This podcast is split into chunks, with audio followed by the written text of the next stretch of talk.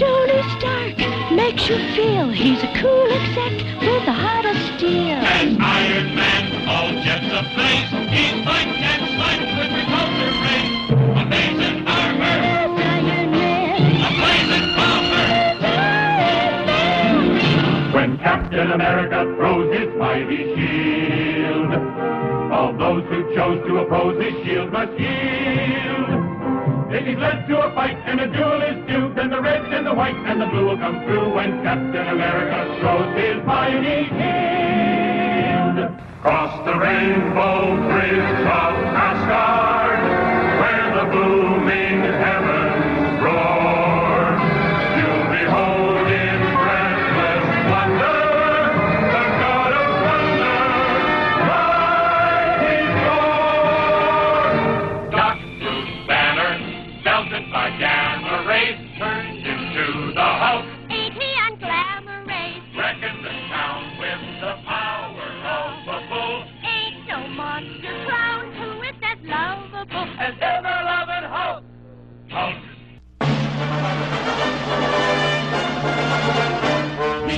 sulky, over bulky, kinda hulky superhero. A and electrically transistored superhero. An exotically neurotic and aquatic superhero. The Marvel superheroes have arrived. Superpowered from the forehead to the toes.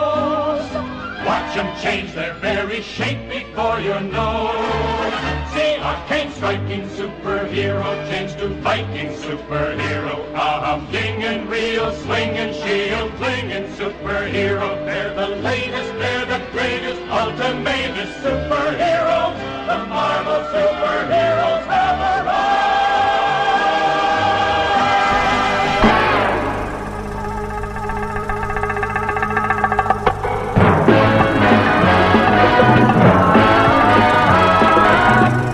Comes to entertainment, you can't beat a good film.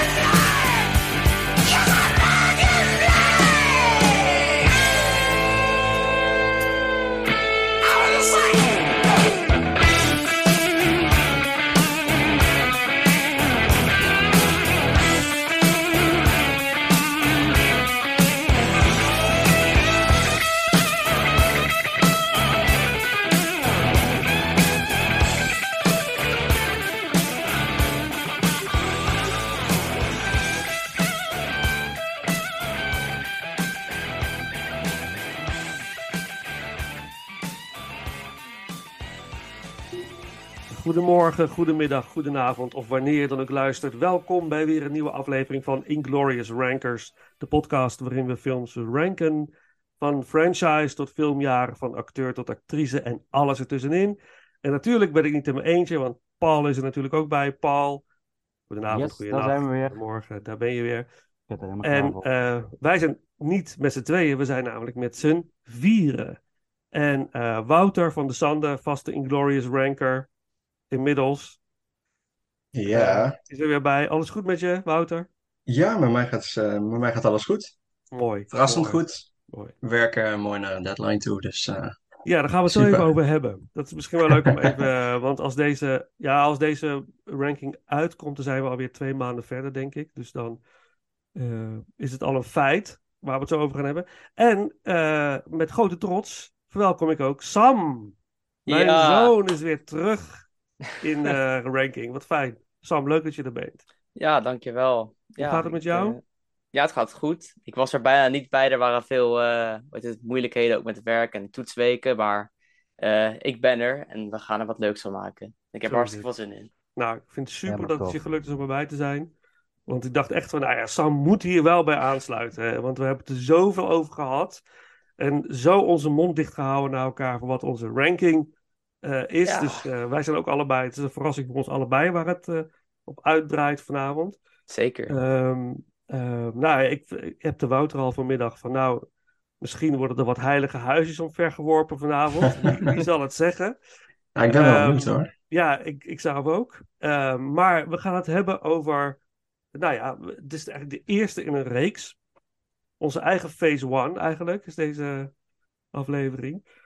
Want we gaan het hebben over eh, eh, de Marvel films, Marvel Cinematic Universe. En dan hebben we het over Marvel Phase One. Ehm, die eh, films gaan we ranken. Dus dat, dat gaan we doen. en voor iedereen is dat natuurlijk wel bekend. Maar misschien is het wel heel leuk om even een rondje te doen.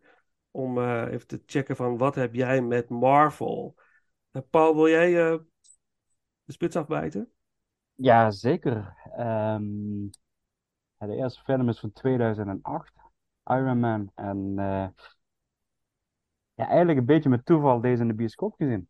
Ik was ook eigenlijk van, uiteraard, normaal ben je altijd gewend de bekende helden. Spider-Man, eh, Batman, Superman, om maar even heel simpel te zeggen. Blade was toen de tijd ook al eh, behoorlijk eh, bekend. Dus het was eigenlijk een beetje een, ja, een vreemde, ja, hoe zeg je dat, een vreemde eend in de hè?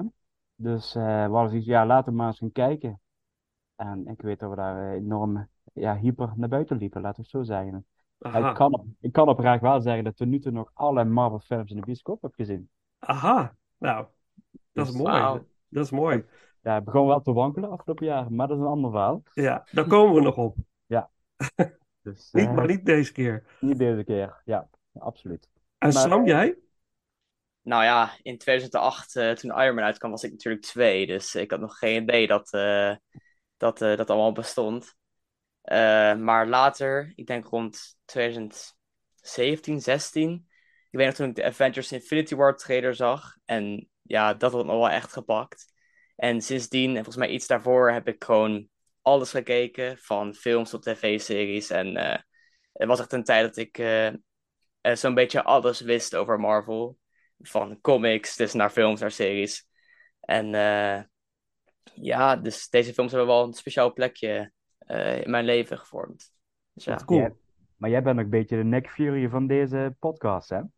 Nou, ik heb al wat fun facts eh, die ik eh, kan vertellen, dus eh, die komen er nog wel Ja, aan. Ja, nee, absoluut. Maar ik bedoel ook meer van, jij bent wel een beetje de initiator van deze, van deze thema, eh, wat betreft de podcast. Oh ja, ja, zo kan je het zien, ja. Zo kan je het Dus zien. onze eigen Nick Fury hier aan het woord. Ja, Nou, Ja. eh, nou wie weet. Ja, want we zijn nog wel een paar jaartjes bezig eh, eh, met deze serie, denk ik, van Marvels. Want het gaat nog wel even door. zeker. Eh, en Wouter, jij?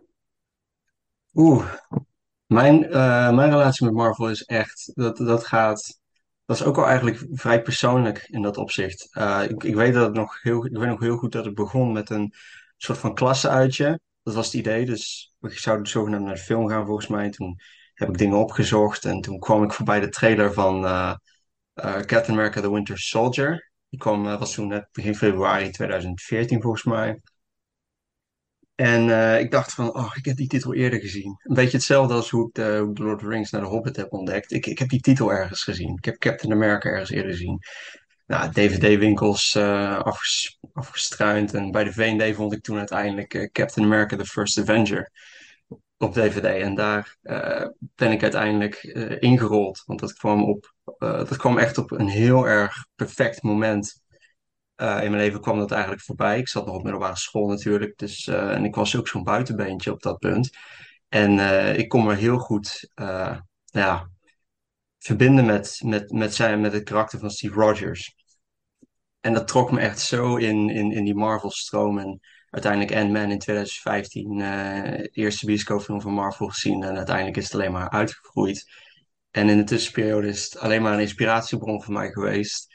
Die me wel heel mooi heeft laten merken van oké, dit is wel iets wat me is bijgebleven. En het heeft me wel deze waarde geleerd van wat nou werkelijk een held is. En, eh, en hoe je op dat eh, gebied ook gewoon jezelf kunt ontwikkelen, jezelf kunt verbeteren.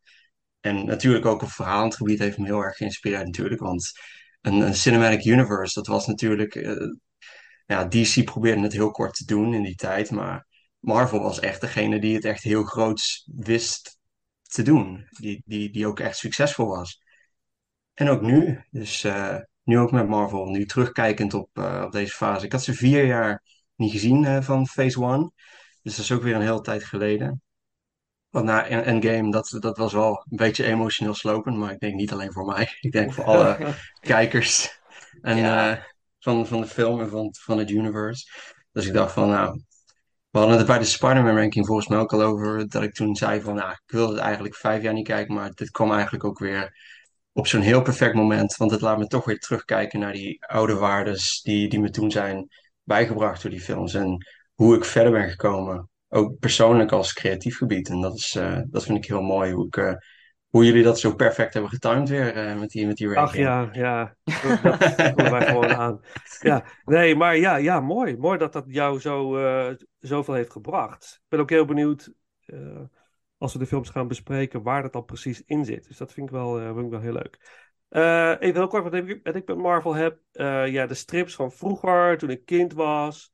En ik was eh, helemaal onder de indruk van eh, dat ik al die Avengers bij elkaar zag op het grote doek. Dat ik dacht van, hè, dat mogelijk is nu. Dus als ik nu ook 16 was geweest, of 15, was ik natuurlijk ook helemaal gestoord geworden van deze films. Had ik ook alles willen zien. Dus, eh, en wat ik heel bijzonder vind, is, is het Cinematic Universe idee, wat nu wel heel erg uitgemolken wordt in alle hoeken en gaten van eh, de filmindustrie. Maar Marvel doet het wel heel erg goed. En ik vond het ook wel een genot om deze, eh, die, deze eerste phase opnieuw te kunnen zien. Want ik kijk ook echt wel weer uit om de, nu naar de volgende te gaan kijken. Dus eh, en ik moet heel braaf wachten tot het weer zover is dat ik ze weer mag kijken. Maar dat is ook wel weer heel erg leuk eigenlijk. En ik vind het heel leuk om, eh, dan, om ze met Sam te delen, want wij, wij vinden het allebei heel erg leuk. En dus dat vind ik ook wel heel bijzonder. Om dat op die Ja. manier dan weer te beleven via hem. Dat is natuurlijk weer anders. Dus dat, eh, ja, ik vind het heel, eh, heel bijzonder. Dus eh, ja, en voor de rest Marvel is gewoon kicken. Marvel had zelfs Star Wars stripboekjes, die ik in de jaren tachtig als kind verslond. En nog steeds. En nog steeds, ja, ja. Maar ja, die oude classics, dat vind ik toch, toch altijd het leukst. Dus, eh, maar eh, als ik denk aan Marvel in de jaren tachtig, was het niet zo heel veel bijzonders. Wat, eh, wat eruit kwam. We zullen het nog wel even hebben over de Captain America van begin jaren negentig. Wat natuurlijk ook een onvergetelijk eh, en Fantastic Four, begin jaren negentig, compleet mislukt allemaal. En uiteindelijk hebben ze het goed weten te maken met, met ja, Iron Man eigenlijk. Hè? Daar is het eigenlijk allemaal mee begonnen. En Spider-Man soort van daarvoor. En Blade voor... X-Men natuurlijk. Ja, X-Men films. Ja, oké. Ja, oké. De eerste twee. Maar dat is weer een andere ranking. Dus het, Ja, eh, Dat moet nog eh, wel. maar ze hebben het echt goed op de rit gekregen, vind ik, met, eh, eh, met Iron Man. Maar goed, we gaan het erover hebben. Zes films. Paul, wil jij eens even op een rijtje zetten voor ons? Tuurlijk, tuurlijk. Nou, ehm 2008 werden we getrakteerd op twee films, namelijk eh, Iron Man en Incredible Hulk. In 2000, even kijken, 10 hebben we één film gekregen, Iron Man 2. Om vervolgens in 2011 de allereerste Thor en ook de allereerste Captain America First Avenger te krijgen. En in 2012 kwam de ja, cumulatieve optelsom van deze vijf films in Avengers films. Ja, The Avengers. Ja, dat is het einde van Phase 1. En dus tot zover gaan we ook eh, vanavond. Dus we gaan de zes eh, bespreken. Ehm, is er iemand die heel graag wil starten? Doen we het niet met een spinner dan? Of is dat niet meer? Ja, nou ja, dat, dat moet ik, daar, die heb ik niet voorbereid, die spinner. Dus die, Ja, eh, waar is de- waar is de we, gaan, spinner? we gaan gewoon iemand aanwijzen. Of wil je graag met een spinner? Het kan nog, hè? Ik kan gewoon natuurlijk iemand even... Ja, anders begin ik toch gewoon. Paul, jij begint? Tuurlijk. Oké, dan volg ik. op. Dan volg ik. Maar jij Ik, volgt? eh, Ja, Ik, ik volg. Paul. En dan mogen jullie... eh, Laten we zeggen, Paul. Ik, als ik zeg van links naar rechts, zie ik hier mijn scherm Paul, mijzelf, Wouter, Sam. Goed. Yes? Right. eh, helemaal okidoki. Dus Dus, ben benieuwd. Jouw nummer we 6, beginnen, Paul. jongens? Ja, let's go, let's go. eh vast in je seatbelt. We gaan beginnen, jongens. Ja, Eh. Ja, ja, ja. Op de zesde plek heb ik Iron Man 2 staan. Ja, Voor mij ik niet. Voor mij ook niet. Wouter ook eh, de hand opsteken en ook eh, bevestigen. Nou ja, Iron Man 2 kwam in 2009 uit. Was een heel snel gemaakt vervolg op eh, de eerste ehm, Iron Man film, uiteraard. Eigenlijk door hetzelfde team gedaan. En ehm, het, ja, zal ik ook een beetje kort vertellen over de synopsis van de film eh, waar het over gaat? Ja, doe maar. Ja. Ja, oké. Ehm, even kijken. De, de film is, ja, ik zeg, de opvolger van het eerste deel. Ehm, Tony Stark heeft natuurlijk publiekelijk eh, zijn identiteit als Iron Man onthuld. En eh, wordt, ehm, wordt eigenlijk door diverse partijen dwars gezeten. De overheid wil hem eigenlijk gebruiken als een, als een oorlogswapen. Eh, de concurrenten, die voelen zich natuurlijk een beetje eh, aan de kant gezet, want dat willen ze natuurlijk ook. Want eh, ja, Tony Stark's industrie eh floreert enorm.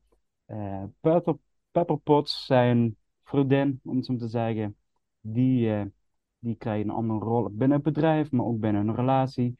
En er komt nog iemand uit zijn verleden, er, wat het verleden van zijn vader komt, om de hoek kijken, om wraak te nemen, omdat hij suggereert dat eh, zijn vader zijn idee wat betreft de Ark-reactor heeft gestolen.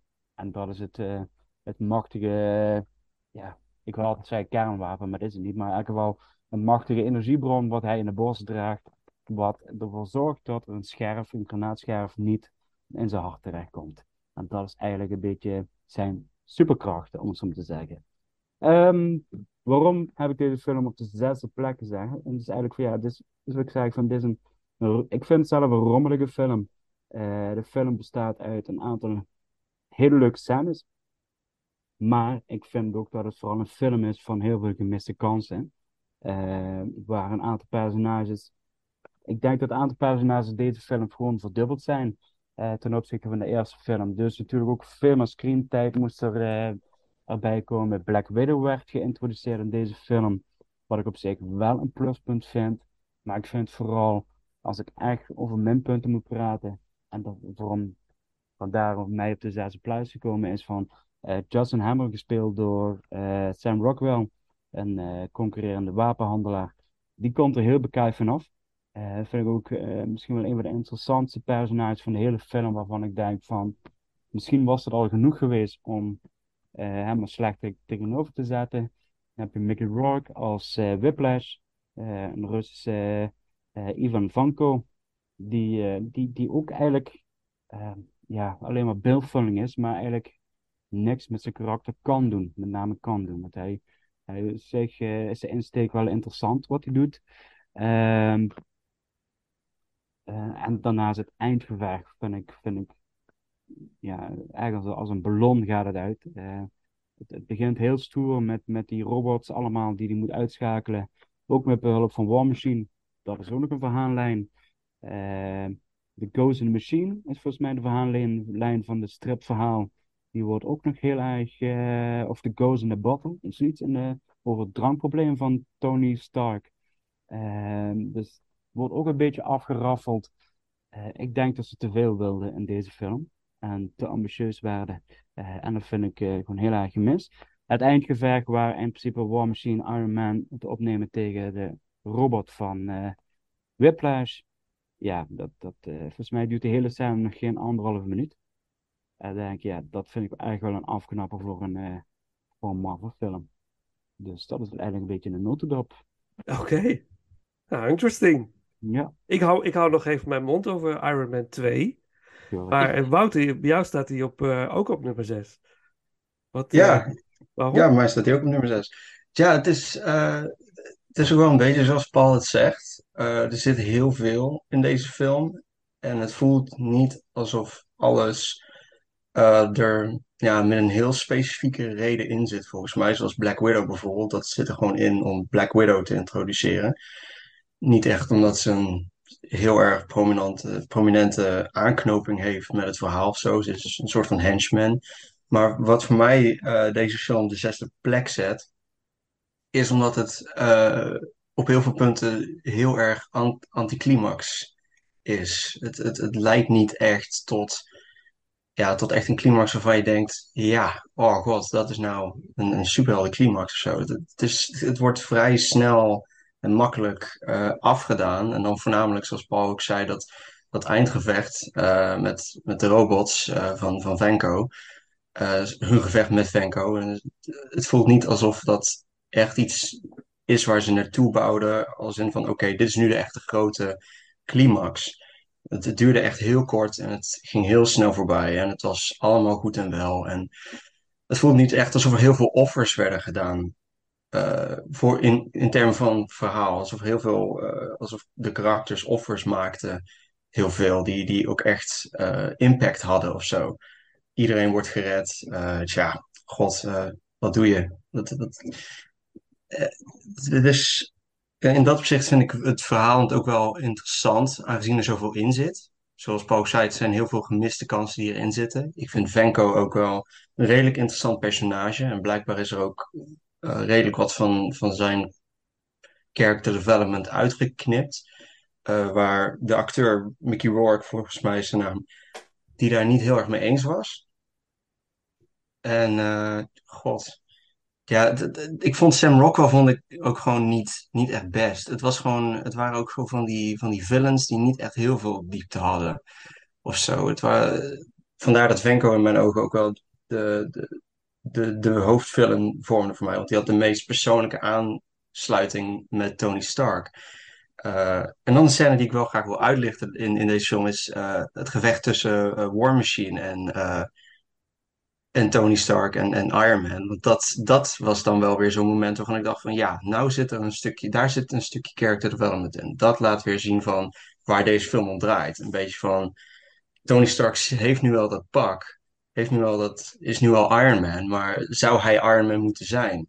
Hij, hij is van karakter natuurlijk eh, ja, echt een face, echt een face-based, een nogal extrovert persoon die, die in, die in zijn eerste films nogal redelijk veel voor, zich, voor zichzelf eh, vecht, natuurlijk, om zijn eigen problemen op te lossen. En eh, ja, dat, dat vond ik dan wel weer een heel sterke scène, want het zet. Want Brody doet natuurlijk heel veel wat, wat de overheid van hem vraagt. En hij merkt ook heel erg van, ja, is hij wel de, is Tony Stark wel de persoon die in dit pak moet? Omdat hij hem natuurlijk als, als vriend heel goed kent. Dus die standoff tussen, tussen beiden is natuurlijk heel erg emotioneel beladen. Want ze kennen elkaar heel goed. Maar de een doet zijn plicht en de ander, ja, die, ja, die doet het een beetje als een... Ja, precies.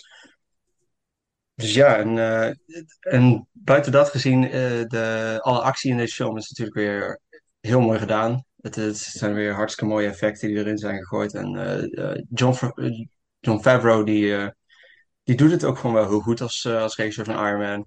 Dus die heeft ook wel een aantal tropes uit de eerste film die dan weer ja, een soort van terugkomen in, in, het, in de tweede. Dus ik vond het script dan ook weer wel weer, wel weer lekker. Weet je wel, fast-paced. Van die witty comments die Tony Stark dan heel goed kan maken. Dat, dat, dat, is wel leuk, want het houdt het wel allemaal vrij luchtig en eh, het, het houdt de, vaart erin. Maar het voelde gewoon verhalend verhaalsgewijs voelde het gewoon niet echt alsof het naar iets speciaals toebouwde of zo, wat heel veel impact zou hebben op het karakter van Tony Stark. Of het voelde meer weer opnieuw als iets van Tony Stark moet weer zijn eigen problemen oplossen en het lukt hem. Klaar, afgeschreven, afgevinkt. En eh, ja, dat, zo voelde het voor mij een beetje toen ik naar deze film keek. Oké, oké.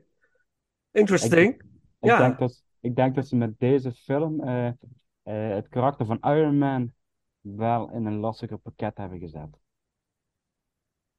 Maar goed, dat is even tezijde. Ja, ik denk dat, ja, nou ja, in, in de positieve zin voor de franchise bedoel je?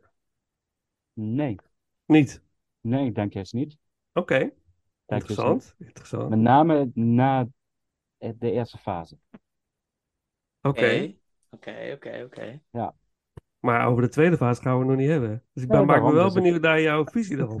Ja. Oké, oké. Ik ook. Ik zeg helemaal nog niks. Ehm, Oké, eh, jullie nummer 6, Iron Man 2 uit 2010. Zeg ik dat goed? Ja. Is het- Tien, toch? Ja, 2010. oké. 2010, ja. Eh, er zit wel weer hele goede muziek in. ACDC natuurlijk. eh, eh, maar we doen even het nummer van The Clash. Should I stay or should I go? Denken sommige mensen dat nu in de, die naar de podcast luisteren. Wat nou, Iron Man 2 op 6? Hoe kunnen ze? Should I stay or should I go? Nee, blijf stay, want er komt nog veel meer. Oké, should I stay or should I go? The Clash. Uit Iron Man, of gebruikt in Iron Man 2. En dan zal ik zeggen wat mijn nummer 6 is.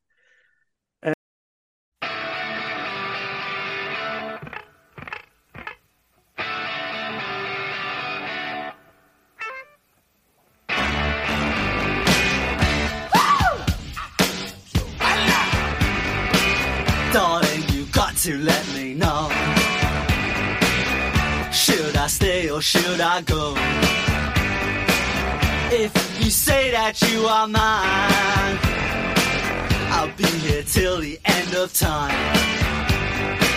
So you got to let me know. Should I stay or should I go? It's always tease, tease, tease. You're happy when I'm on my knees. One day it's fine and next it's black. So want me off your back, well come on and let me know. Should I stay or should I go? Should I stay or should I go now? Should I stay or should I go now? If I go,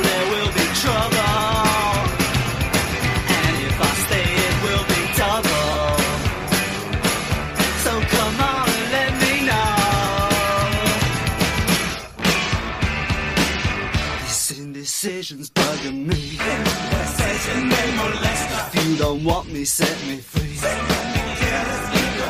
Exactly whom I'm supposed to be. Don't you know which clothes even fit me? Come on and let me know. Should I cool it or should I blow?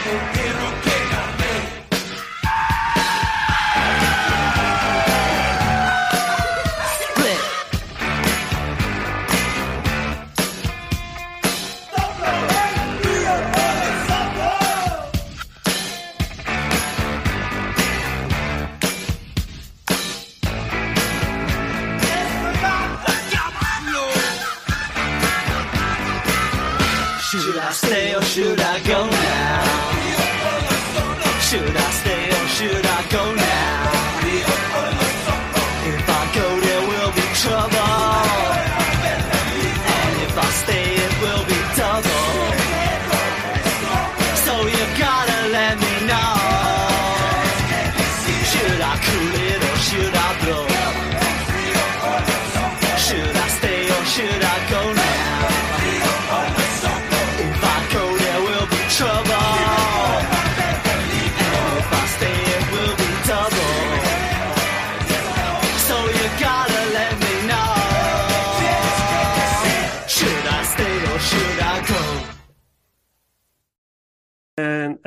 ja, hold your horses. Oké, mensen, blijf vooral luisteren nadat ik dit gezegd heb. Maar eh, Oeh, here we go. ja, Eh, mijn nummer 6 is Iron Man uit 2008.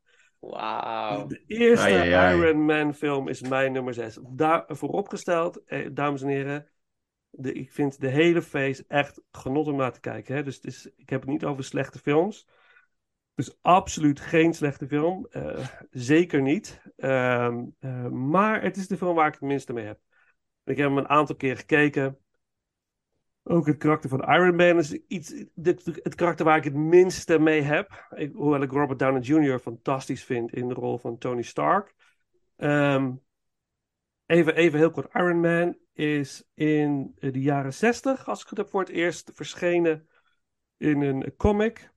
Eh, Tales of Suspense. eh, dus dat is echt wel heel, eh, niet, niet het oudste Marvel karakter. Dus, dus dat is ook wel weer fascinerend. En natuurlijk ge- gecreëerd door Stan Lee. Stan Lee die ook in iedere Marvel film een cameo heeft. Dat natuurlijk ook hilarisch is zo af en toe.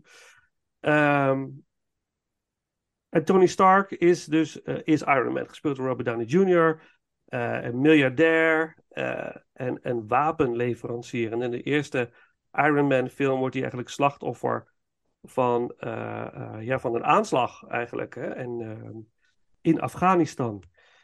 En wordt hij gevangen genomen. En moet hij eigenlijk een, een, ja, een wapen bouwen voor de, de bad guys, de terroristen. Maar in plaats daarvan bedenkt hij een ontsnappingsmogelijkheid en bouwt hij een soort van panzer voor zichzelf. Om te kunnen ontsnappen uit zijn barre omstandigheden. En dat wordt eigenlijk het eerste Iron Man panzer. Wat hij vervolgens verder gaat ontwikkelen. En hij krijgt een inzicht dat de wapens die hij eigenlijk produceert meer kapot maken dan dat ze goed doen voor de wereld. En dat wil hij eigenlijk gaan veranderen. Eh, zijn vader is overleden, de grondlegger van Stark Industries. Ehm, en het wordt eigenlijk nu ja, eh, gerund door eh, het karakter van Jeff Bridges, die eigenlijk, eh, eigenlijk het bedrijf runt. En Tony Stark, die een beetje op de achtergrond eh, zijn dingetjes doet. En die wil eigenlijk eh, de wapen leveren, de, zeg ik dat goed? Het leveren van wapens wel in stand houden. En Tony Stark weet dus te ontsnappen, komt terug en wil eigenlijk een hele andere koers gaan varen. En dat zorgt voor een clash tussen die twee. En dat bouwt zich op tot een, tot best wel gave finale. En langzaam creëert hij in deze film een nieuw Iron Man pak. Dat is ook wel de kracht van deze film. Je ziet eigenlijk Tony Stark van een miljardair playboy veranderen in een wat meer menselijk. Hij wordt weer wat menselijker. En eh, hij bouwt Iron Man. En dat is wel heel mooi om te zien. Hij moet het ook testen en het gaat heel vaak fout. En uiteindelijk lukt het hem en dan wordt hij eh, Iron Man. Op zich perfect. Gewoon een hele fijne, goede film. Eh, Robert Downey Jr. still to show. En Sam, we hadden toen, we, toen we, we hadden het over Iron Man laatst, over het karakter van Jeff Bridges. Eh, over de, de villain die hij is in deze film. Dan vind ik Jeff Bridges een heel indrukwekkende acteur. Mhm. Eh, eigenlijk in alles wat hij doet, als Jeff Bridges erin zit, is eigenlijk de film automatisch al wel goed. Gewoon door zijn aanwezigheid. eh, maakt het al heel cool. En om hem samen te zien met Robert Downey Jr. vond ik wel heel mooi. Het is heel dynamisch. Ehm, maar dat is het ook, wa- wat mij betreft. Voor de rest raakt de film me niet. Of ja, ik vind het leuk. Ik vind het heel leuk, onderhoudend. Maar het, het raakt mij persoonlijk niet. Maar het is een hele goede start van alles wat er nog komen gaat. Dus het is wel, ook deze film is een grondlegger. En dat vind ik wel, eh, dat vind ik het mooie aan deze eerste Iron Man film. En de regie van eh, John Favreau is natuurlijk fantastisch. Gwyneth Paltrow is mooi als altijd, maar ook erg goed in haar rol als Pepper Potts. En Terrence Howard, die niet terugkeert in Iron Man 2, ehm, is ook, eh, ja, sowieso ook een hele fijne acteur. En John Favreau zelf. En natuurlijk was het kritisch en was het echt een commercieel eh, succes. Is goed ontvangen, genomineerd voor Academy Awards. En, eh, en natuurlijk heel leuk om, om Jarvis voor het eerst te horen, wetende inmiddels al naar waar dat eh, naartoe leidt. Vind ik het alweer heel geinig. Dat is, eh maar that's it. En even, dit is de laatste film waar Stan Winston aan eh, meewerkte, voordat hij stierf. Hij werkte bij de special effects voor Iron Man. Ehm, dus ja, Grote man. ik voel een stilte, een spanning. Ja, Ja. een ongemakkelijke stilte. Ik ben heel Maar- surprised. Ja, Eh, dit is mijn nummer 6. Iron Man. De eerste Iron Man. Oké. ehm, doen we straks muziek uit deze Iron Man film. Dan kunnen we eigenlijk door naar jouw nummer 6. Sam. Ja, nou wacht. Even, ik change even de mood. Zo. Hij doet een andere kleur lamp. Ah, ja, kijk eens. Zo, kijk zo. De actiefiguren worden erbij gehaald. Ja, Online is het te zien, maar niet terug op Spotify. Maar mijn nummer 6 is The Incredible Hulk uit 2008. Eh, en ik moet wel even erbij zeggen ook eh, dat eh, al deze films waren echt super leuk. Ik vond deze film niet veel slechter dan de andere. Ik heb ze allemaal van tevoren, zeg maar, individueel gerate op IMDb. En ze kwamen bijna allemaal op dezelfde aantal sterren uit. Dus het was lastig om ze op een volgorde te zetten. geldt voor mij ook trouwens. Ja, Ja, Eh, uh, van één. Maar oké, oké, interessant. Maar eh, ja, tuurlijk, deze film is uit 2008 met eh, Edward Norton in de hoofdrol als Bruce Banner, eh, Hulk. Ehm, hij is natuurlijk later niet teruggekomen, maar eh, daar praten we denk ik zo nog wel over. Eh, nou, deze film gaat over eh, natuurlijk dus Bruce Banner. Eh, hij eh, is de Incredible Hulk en hij probeert weg te komen van militaire eh, mensen, zeg maar die hem proberen te vangen, omdat hij eigenlijk een soort van eh misgegaande experiment was. Eh, ja, en door deze hele film is hij zeg maar op de run en probeert hij een cure te vinden voor zijn Hulk-ziekte. Hij wil niet meer de Hulk zijn. Ja, dat is eigenlijk een beetje waar het over gaat. En natuurlijk een groot ding wat ook later nog terugkomt, is dat door deze film heen probeert Thunderbolt Russ, gespeeld door William Hurt, eh, rest in peace, want hij is eh, een paar jaar geleden overleden. Ja. Eh, hij probeert eh, de Super Soldier Serum, waar Captain America mee is gecreëerd, probeert hij in deze film opnieuw te maken. Eh, en dit gaat natuurlijk niet helemaal goed. Eh, en dat eh, komt later terug met natuurlijk Abomination, de vijand van deze film. Eh, maar eh, ja, voor mij staat hij op nummer 6, omdat eh, ja, de film, hij voelde, een hij voelde heel anders dan de rest. Het is een hele andere sfeer. Eh, heel, ja, een hele andere mood dan de andere films. Het voelt veel minder Marvel eh, dan de andere. Het is ook de enige film die er Universal ook is mee ge, weet het, produceert. Eh, omdat Marvel natuurlijk nog niet een eigen grote filmstudio was. Maar ja, ja, deze film is gewoon, hij is super leuk, maar ja, vergeleken met de andere gaat hij er toch net iets onder. Eh, ja, ja, de, ja, dat is eigenlijk wel eh, waarom die voor mij daar geplaatst wordt. Ja, interessant. Ja, Interessant. We hebben hem samen nog gekeken, twee weken geleden ja of zo. klopt. Ja. Dus dat, eh, ja, ja. Alright, alright, alright. Ja, ja. eh, zijn er nog weetjes die je wilt delen over Hulk? Ga eens kijken wat ik heb. Nou, er zijn nog wel wat grappige dingetjes. Bijvoorbeeld de openingsscène uit de film. Eh, dan zie je hem zeg maar tijdens eh, zeg maar, eh, ja, de intro. Zie je hem hoe die hoe die het Hulk, de Hulk transformation voor het eerst ondergaat. Zeg maar het experiment waarin hij in de Hulk verandert. En dit is bijna een shot-for-shot remake van de oude Incredible Hulk tv-serie. Van zeg maar de intro van die tv-serie. Het is bijna precies hetzelfde. Ja, en natuurlijk de, zitten natuurlijk wat cameo's in. Ik weet niet of het goed zeg. Lou Ferrigno zit er natuurlijk in. Hercules. Ja, Hercules en de oude Incredible Hulk natuurlijk, waar hij dan Ja. super bekend voor staat. Ja. Eh, Ja. ja. En Ja. eh, de acteur die eh, Banner speelde in de tv-serie. Dat is, daar heette hij daar, trouwens David Banner, niet Bruce Banner, maar in de serie heette hij David Banner. En die acteur is ook even te zien in een soort fragment op het tv-schermpje van een soap of zo, of een tv-serie. Ja. Zie je hem ook even vol in beeld. Ja, en een korte cameo is als Bruce naar het eh, eh, café of bar Stanley's gaat. Natuurlijk ook een nod naar Stanley is. Mhm. Maar eh, degene die voor hem de deur open doet is Stanley, door, gespeeld door Paul Souls. En hij is de voice actor van de animated series van de Hulk. Ja, ja. En dat is ook wel grappig. wat cool. Ja. Ja, En we zien natuurlijk de Hulk nu vol in beeld. Ja, die staat hier bij mij. Dat is, ja, geweldig eh, figure. ja, cool. De Hulk, jouw, jouw nummer 6. Nou, hij komt vast nog terug. Kan niet anders eigenlijk. Hè? Ja, Eh, wel een stukje muziek, want ik weet samen dat jij vertelde toen we de film aan het kijken waren, dat je helemaal als klein mannetje al weg was van eh, eh, de themamuziek van eh, The Incredible Hulk.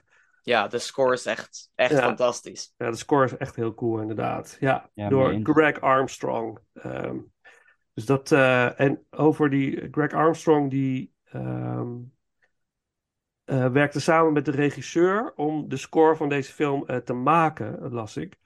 En ehm, het is dus als enige volgens mij van binnen de hele eh, reeks is er een dubbel CD uitgebracht met de complete score van eh, The Incredible Hulk.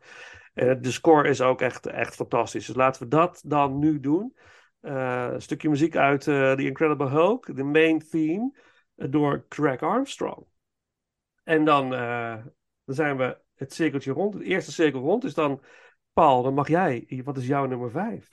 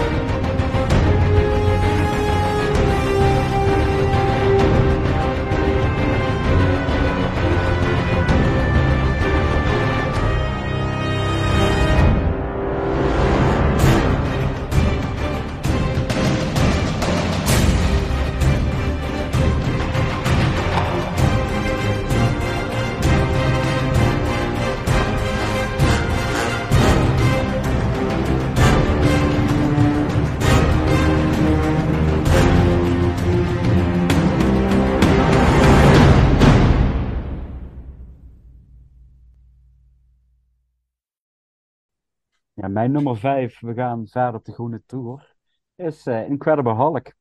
En, ja, eh, voor mij ook.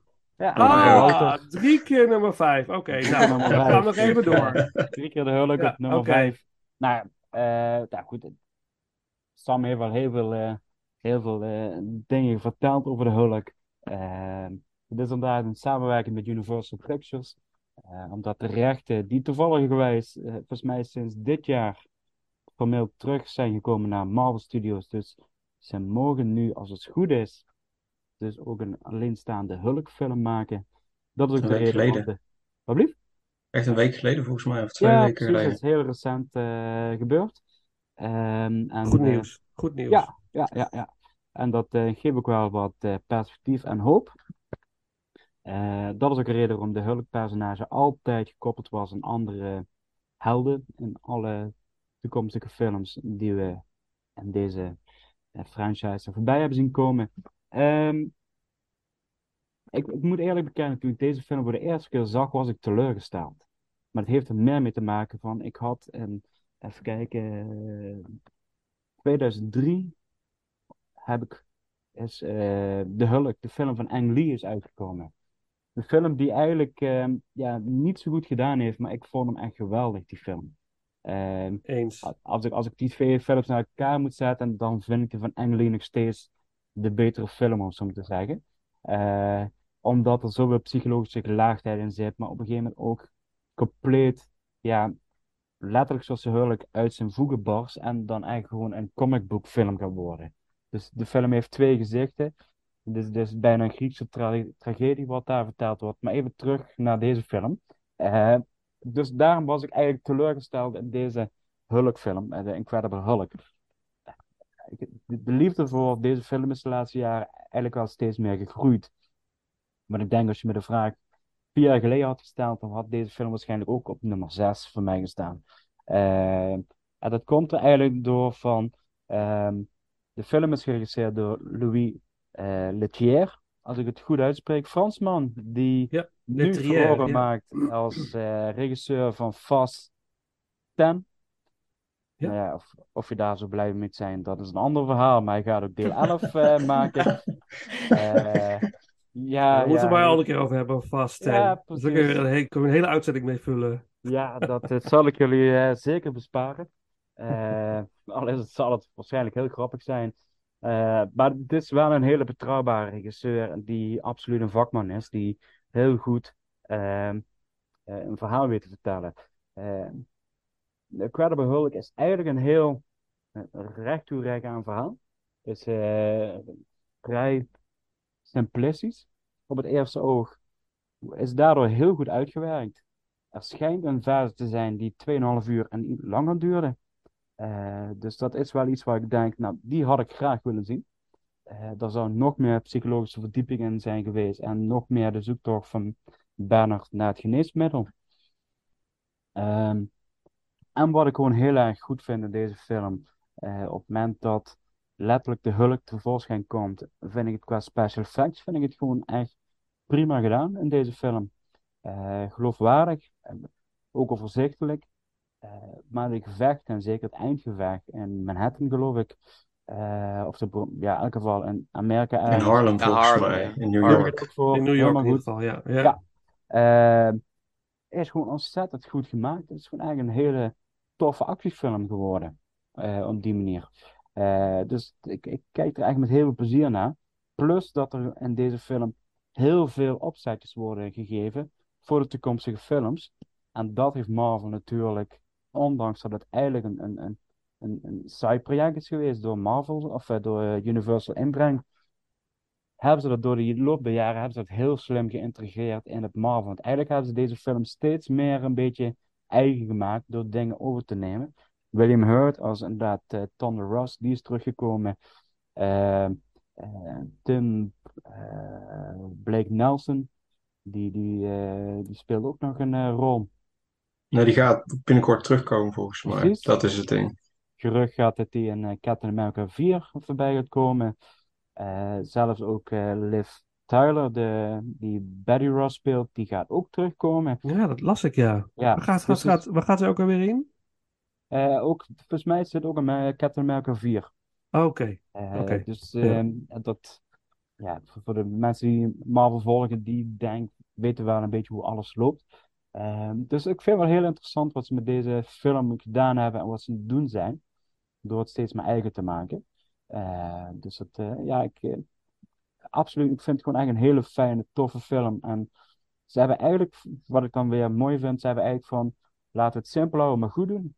En daar hou ik van. En dat hebben ze in deze film gewoon echt heel goed aangepakt. Cool. En Wouter, wat, wat zijn jouw gedachten? Uh, ja, een beetje, een beetje ook al zoals net gezegd is, dit verhaal is redelijk recht toe recht aan. En dat is denk ik ook wel een van de sterke punten van deze film zoals je zei, als je, je doet het dan wel in een wat meer standaard, uh, met een wat meer standaard verhaal, maar je doet het dan ook wel goed. Dus je houdt het overzichtelijk. Uh, je houdt die verhaallijn ook wel uh, mooi netjes recht. de special effects zijn heel goed gedaan. De score is iets wat bombastisch, maar wel redelijk spannend. Het, draagt wel echt bij als die, als die actiescènes ook eenmaal bezig zijn. Eh, dus dat is heel erg mooi. Eh, wat ik zelf een klein nadeel vond aan deze film, en waarom het bij mij op nummer 5 staat, is het feit dat ik gewoon echt totaal niet hield van die dialogen. Gewoon echt niet. Ik vond het echt zo verschrikkelijk geschreven. Het is zo standaard en zo heel vlak. En blijkbaar heeft eh, Edward Norton daar ook heel veel van hergeschreven van script, blijkbaar zijn lines.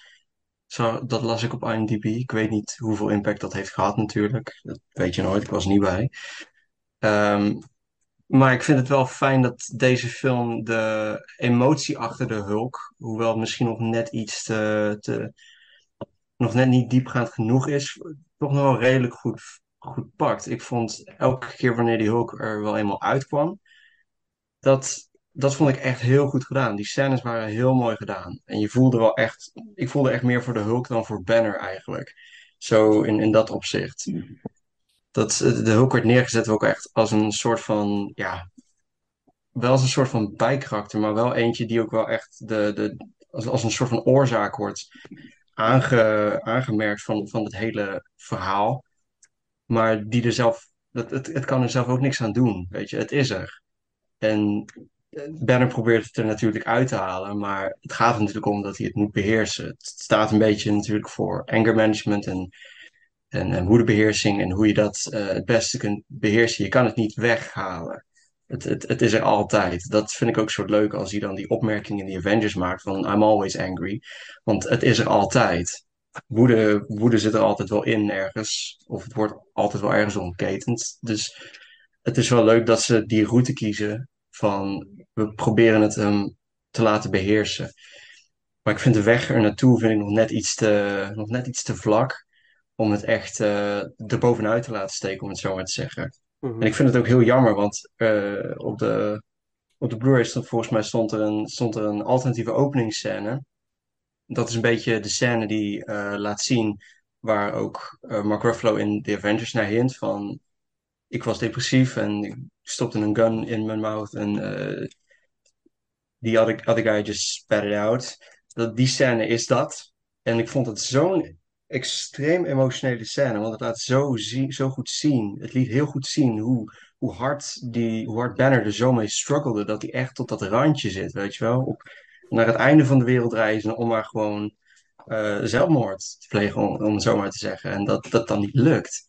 Dat is, dat is een heel verschrikkelijke, een heel emotioneel sterke eh, scène, die, waarvan ik het heel jammer vind dat ze die, die eruit hebben gehaald. Want had die emotie nog hoger kunnen opkranken van we voelen echt voor Banner voor dat hij hiermee zo struggelt.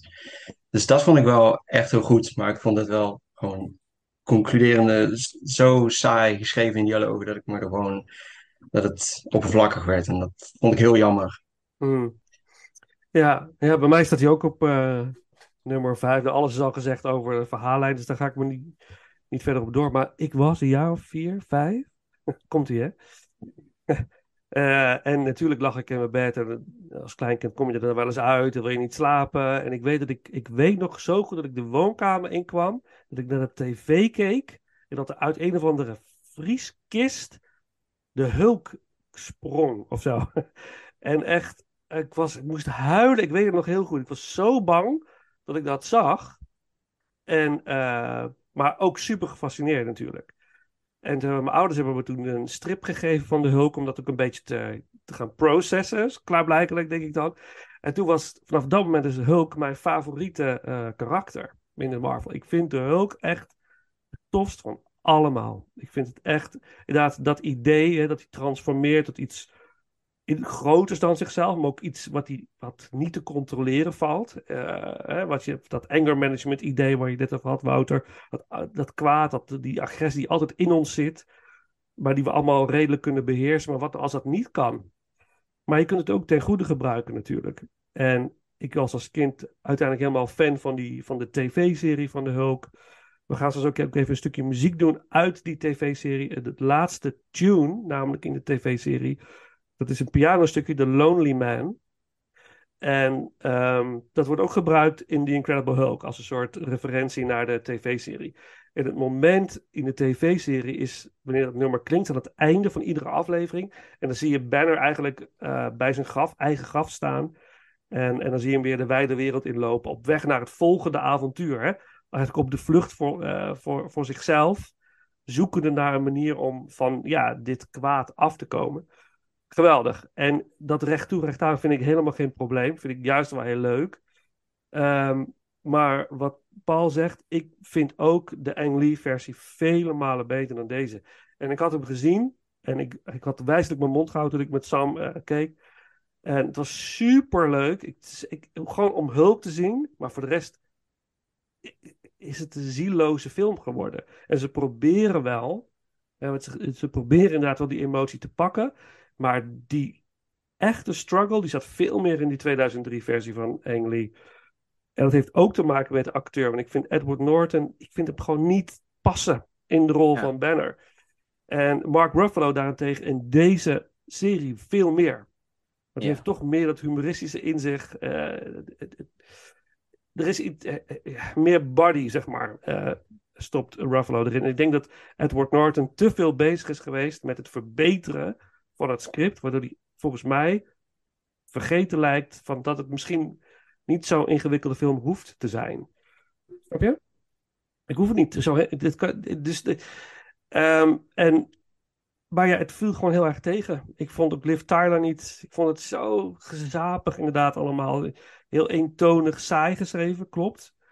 Heel erg voorspelbaar. En dat die stem van Liv Tyler, ik denk, oh, dan heb je die elf weer. Weet je, met het, ah, stop. Stop gewoon. Weet je, dat Ja. soort. ge- ge- en dan heb ik liever echt veel, duizend liever Jennifer Connelly in de 2003-versie. Veel meer kracht. En dan een, powerhouse als Nick Nolte er tegenover. Ik, ik, als je hem niet gezien hebt, als mensen luisteren, kijk naar die, naar die versie. Het was de, de betere geweest in, in deze reeks. Ze hadden hem ook makkelijk hier kunnen plaatsen met wat aanpassingen, denk ik. Ehm, eh, hoewel ik, ik moet even Tim Roth benoemen, die uit, uit de Ja. Abo- Abomination wordt. Wat Oh een ja, fantastische acteur is dat. Hè? Dat, ja, alsof het gewoon van nature gewoon uit hem komt. Prachtig, geweldig. eh, ik vond, de, ik vond de, Tim Roth en eh, Hulk eh, de, Hulk. ja, de, de echte de, de power in deze film. Het is wel Ja. echt leuk hoe, hoe, je, hoe, hoe jij dan ook gewoon zo vindt van Hulk in deze film is ook gewoon echt een personage. Ja. Zo wordt hij ook gewoon echt neergezet. Ja. En dat is ook leuk. Ik heb de Ang Lee versie van 2003, 4 heb ik, heb ik nooit gezien. Ik ook niet. Eh, was dat niet die ene met Eric Bana? Of, eh, Ja, Eric Bana, ja, ja ook, ook, ook geweldig Oh, acteur. ja, ja, ja. Ik, Eh, ik, heb, ik heb hem nooit gezien, dus ik, ja. ik ken het verschil niet. Maar eh, toch wel, om het laatste te zeggen, dit is gewoon, het script is gewoon echt het, het nadeel aan deze film. Voornamelijk dat er ook heel veel op gefocust is om het te herschrijven. Want Ja. volgens mij, ja, als een acteur dat begint te doen, dan krijg ik al red flags. Van, oh jee, oh-oh, hij heeft Ja. veel aangepast. Ja, En dat ja, ja, dat kan, dat kan. Ja, ja, ik, ik weet niet, wat was, wat, wat is origineel? En even, even, eh, ik was dus ook, dat is Paul, echt teleurgesteld. Omdat Hulk, ik vind Hulk zo fantastisch gaaf, dat, dat ik echt dacht van, nee, dit, dit is niet de film die hij verdient. Dus ik hoop echt dat er nog een standalone film komt die, Er komt erin aan. er komt er echt 100% een aan. 100%. Hij, eh, hij is eh, in the making. Laatste met Volgens mij hebben we ook wel waarschijnlijk. eens over gehoord, ja, Maar inderdaad. dan Dat niet, ze erover niet de. Hulk met glasses en ik ben een heel vriendelijk, leuke Hulk, hè. Oh nee. Maar dan Waarschijnlijk echt- wel. Oh ja, zie, dan ben ik het ook wel weer kwijt. Dat vind ik, maar Maar ja. dat is weer voor een andere ra- ranking om dat te bespreken. Maar Ja. Paul, ik onderbrak jou. Wat, wat wou jij nog eh, aanvullen? Nou ja, inderdaad, de hulk moet gewoon eigenlijk gewoon een ongeleid projectiel zijn. Een bruut, eh, een sloopmachine. Even simplistisch gezegd. Eh, Ja. Wat ik eigenlijk nog wilde toevoegen is van... Edward Edward Norton heeft in het verleden vaker aan scenario's gewerkt. En ook zelf films geregisseerd en eh, geschreven. Dus hij kan het wel, zeg maar. Alleen, Ja. hij, hij heeft volgens mij het materiaal gewoon veel te serieus genomen. Eh, Waarschijnlijk. Hij, hij, hij, hij zag er iets in waar ik denk van... Misschien hebben ze hem ook met de verkeerde intenties binnengehaald. Dat kan. Maar het... eh, En volgens mij wilden ze ook Mark Ruffalo eerst hebben, volgens mij. Volgens Ja, mij wilde die Mark regisseur dat. Ruffalo was de eerste keuze voor de. Alleen, Ja. alleen Marvel wilde dat volgens mij niet, denk ik. Ja, omdat Mark Ruffalo op dat moment, en dat, dat snap ik op zich wel, een, een te onbekende naam was. Eh, ik, ik denk dat het, eh, het was altijd gewoon een hele goede supporting actor, om zo te zeggen, maar nooit een leading man. Hmm. Eh, dat heeft hij later wel bewezen dat hij het wel kan met Spotlight. Dat was wel echt een van de dragende krachten. En Dus- eh, vergeet Zodiac. Zodiac, ja. Zodiac. Ja, ja, ja. Dat was 2007, dus die was er wel iets voor. Ja, nee, precies. Maar dat is denk ik wel de reden waarom ze het niet hebben aangedurfd. Ik denk dat het daarmee is geweest, omdat ze Ja. natuurlijk, en daar zou waarschijnlijk ook van, ehm, ja, wie, wie zit dan op, de, op een bepaalde stoel, hè? Eh, de regisseur, die komt duidelijk uit de Universal stal, want die heeft eigenlijk bijna al zijn films voor Universal gemaakt. Eh, dan heb je een Marvel Studio met producenten die ook wat te zeggen hebben. Dus ik denk dat het eigenlijk gewoon een kwestie is geweest van jullie bepalen dit, wij bepalen dat. Ja, en ik denk als het, als het de tijd plaatst, is, was waarschijnlijk Edward Norton ook de grotere naam. Ja, ja, Ja, gewoon absoluut. voor op de poster was het. Eh, en het was natuurlijk een andere tijd, eh, waar niet alles op YouTube meteen was, maar was het gewoon nog de filmposter hangt in de bioscoop. Wow, de nieuwe film met Edward Norton. Een beetje dat idee. Ja. Dat, dat is nu gewoon weer heel anders. Maar eh, oké, oké. Nou, genoeg over de Hulk. Ehm, eh, Nummer 5 van Sam. Stukje muziek de- niet eerst, toch? Ja, ja, ja, natuurlijk. We doen een stukje muziek. Een stukje muziek. Eh, natuurlijk The Lonely Man. Ja, Uit, leuk. eh, uit de tv-serie van de Hulk. En dat wordt gebruikt in The Incredible Hulk uit 2010. Zeg ik dat goed? 2009? Nee, 2008. 2008. 2008. Ah ja, 2008. Eh, door Joe Harnell. En dan eh, de nummer 5 van Sam.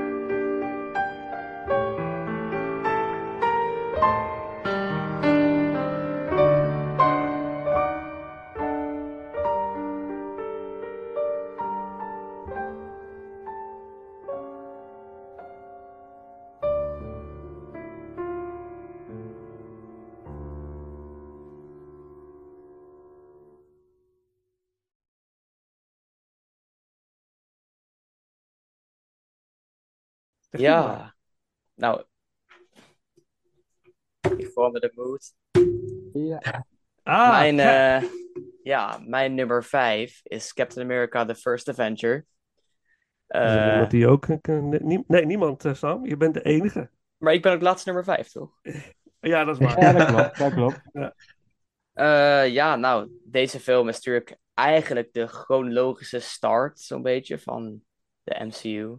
Het is natuurlijk tijdens de Tweede Wereldoorlog over een eh, Brooklyn eh, dude, zeg maar, die eh, heel graag bij het leger wil, maar steeds maar niet binnen kan komen omdat hij skinny is en niet, er niet zo tough uitziet, dat hij van binnen eigenlijk is. En dan wordt hij gerecognized door een dokter die bezig is met een experiment en hem daarvoor wel wil gebruiken. En dat transformeert hem in de super soldier Captain America. eh, die natuurlijk ook dan door propaganda wordt gebruikt, maar uiteindelijk een war hero wordt. Eh, nou, voor mij staat hij op nummer 5 omdat hij ja, eigenlijk gewoon de films hieronder eh, zijn ongeveer op hetzelfde level. Nou, tenminste de volgende, mijn nummer 4 is ongeveer hetzelfde, maar deze gaat er dan toch iets onder. Ja, Chris Evans, natuurlijk Captain America, was super leuk om naar te kijken. Hij, was, hij is natuurlijk een van de grootste en meest recognizable sterren van de MCU tot nu toe. Eh, grote, groot duel met Iron Man heeft hij natuurlijk ook, Tony Stark, Robert Downey Jr. Eh, en ja, hij was wel echt een beetje een highlight van deze film. Eh, natuurlijk Red Skull. Even kijken, wat wil ook weer zijn acteur? Hugo Weaving. Ja, Hey, ja, ja, wat hij tegelijk. ja. ja, ja, hij was natuurlijk ook echt. Ja, hij was super cool om naar te kijken. En jammer dat hij niet in Infinity War eh, Red Skull speelde. Maar, eh, maar ja, in deze film was hij eh, een goede en sterke villain. Eh, ook hij had ook, ik vond dat hij een cool conflict had met Captain America. Eh, dat ze allebei super soldiers waren, maar ze hadden allebei een andere eh, kant naar boven gebracht met het serum. Hij was pure evil en Captain America was pure good. Eh, maar ja, deze film is voor mij op nummer 5.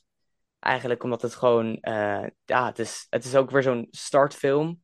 Maar dan vind ik het, zeg maar, de, qua origin, eh, vind ik de andere origins leuker om naar te kijken. En wat interessanter en zo.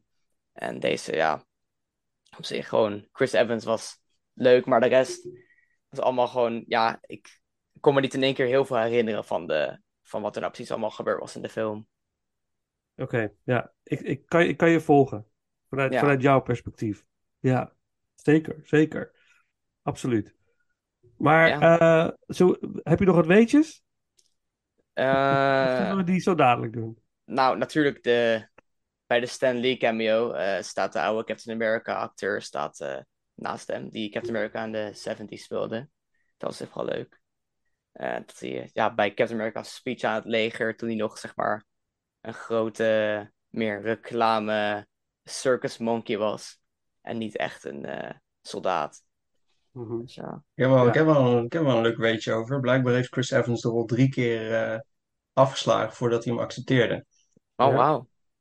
Ja, Dat wist ik niet. Ja, in verband met familiedingen. Hij, wil, hij was bang dat... eh, ja dat, Dat het zijn familie dat, ook, zijn- dat de ja. fame te veel zou worden. Ja. Dat het ook eigenlijk werd misschien. Maar ik, ja, En Ja, hij, weet- was ik weet natuurlijk, eh, hij was natuurlijk de Human Torch hiervoor in eh, Fantastic Ja. Four. Dus hij Ook. heeft al een keer Marvel geprobeerd. ja. En dat ging wat minder goed. Ging iets minder, ja. gelukkig was het eh, deze keer beter. Ja. ja, dit past ook echt veel meer bij hem, vind ik. Ik vind dat hij echt... Ja, ik had niet echt een beter Captain America voor kunnen stellen dan Chris Evans, zeg maar. Hmm. Hij Gewoon is iets echt- voor, voor het Cinematic Universe in het algemeen. Casting is echt on point. Voor Ja. al deze films. Absoluut. Behalve, Ja. Edward, eh, behalve Edward Norton. Ja, ja, eigenlijk, ja. Ja, vind ik wel. Ja, tenzij hij was teruggekeerd. Als, als hij verder was gegaan in het eh, geheel, was het misschien anders geweest. Ja. Maar, Ja. maar goed. En natuurlijk, Oké. hoe heet het? Eh, Sebastian Stan als Bucky in deze film is natuurlijk ook heel goed. Eh, Ja. Ook het dynamic wat ze hebben gehouden tot aan Endgame. Dat ze zeggen van, eh, don't do anything stupid until I get back. En dan reageert eh, Cap in deze film en Bucky in de laatste film Endgame met How can I? You're taking all the stupid with you. Ja. En dat, dat conflict is eigenlijk gebleven. En dat maakte ook de latere films in de Captain America trilogy, Civil War en Winter Soldier echt heel sterk. Hun duel is eigenlijk altijd, altijd leuk geweest om naar te kijken. Bijzonder, hè? Hoe goed dat, dat geschreven is ook. Ja, Dat is zo knap gedaan. Je kunt heel veel vinden van de Marvel Universe wat je, wat je wil, zeg maar. Dus, en het wordt wat minder, ho- hoewel ze nu wel weer een beetje aan het eh, opkomen zijn. Eh, maar eh, doe het maar eens. Hè? Als je koppelt maar Ja. eens alles zo aan elkaar en schrijf het maar eens zo inventief.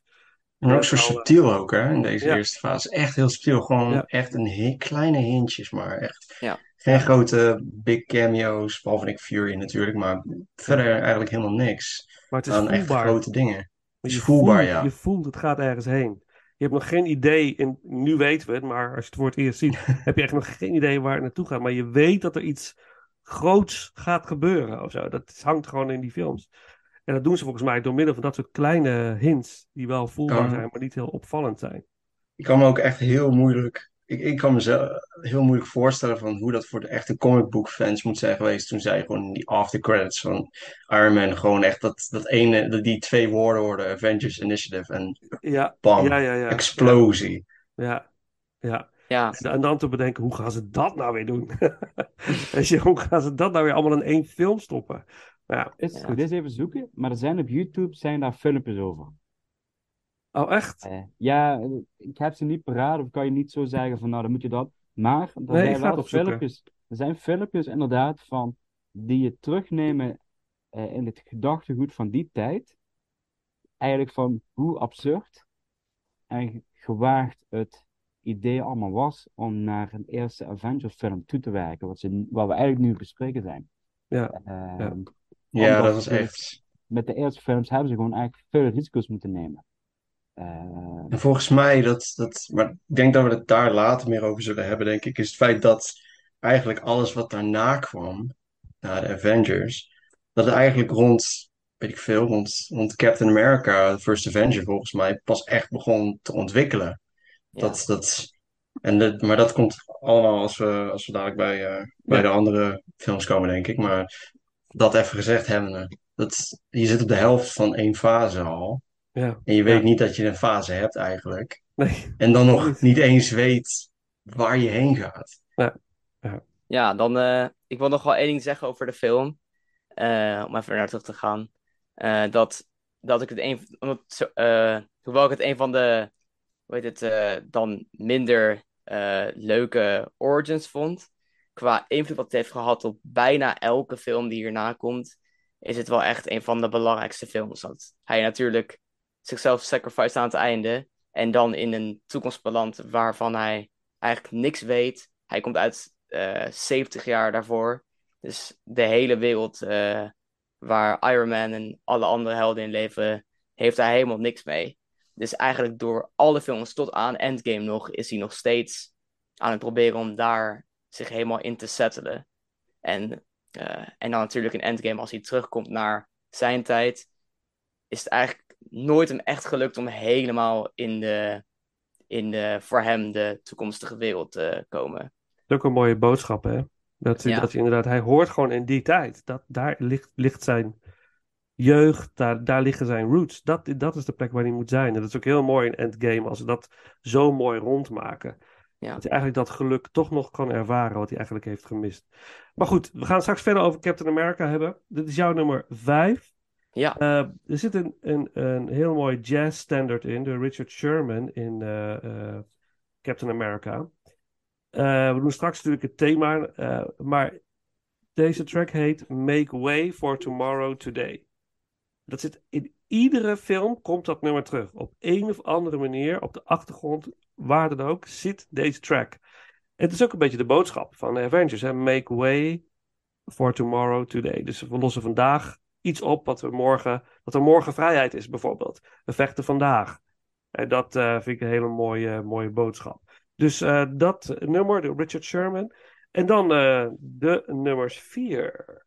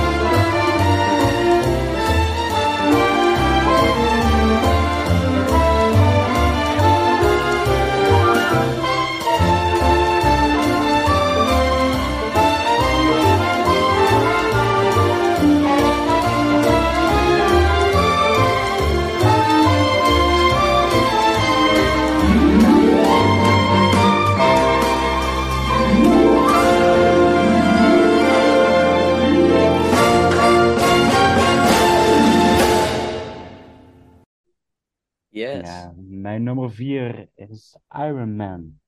De film waar het allemaal mee begonnen is.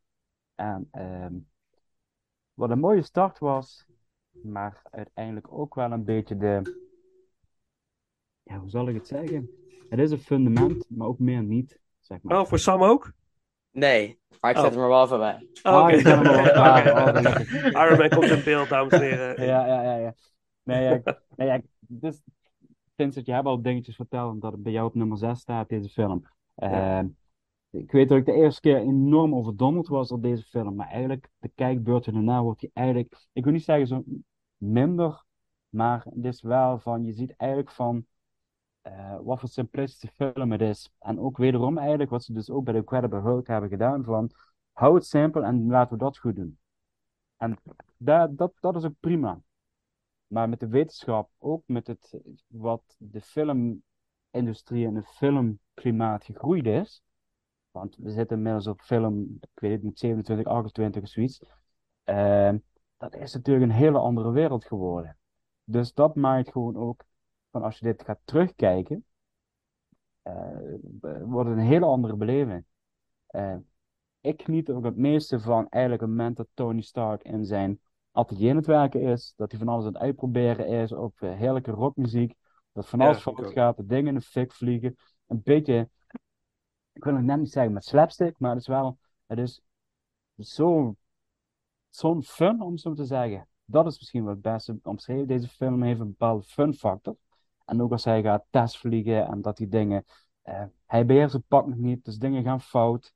Eh, dat, dat is allemaal nog een bepaalde kinderlijke onschuld, zeg maar. Hij is nog de kinderziektes uit het pak het werken.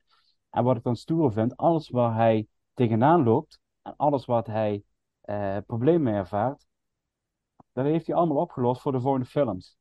Dus die fout zal nooit meer terugkomen. En dat zie je in deze film ook als hij de eerste keer een bepaalde hoogte ingaat, dat zijn pak begint te bevriezen door de temperatuurdaling.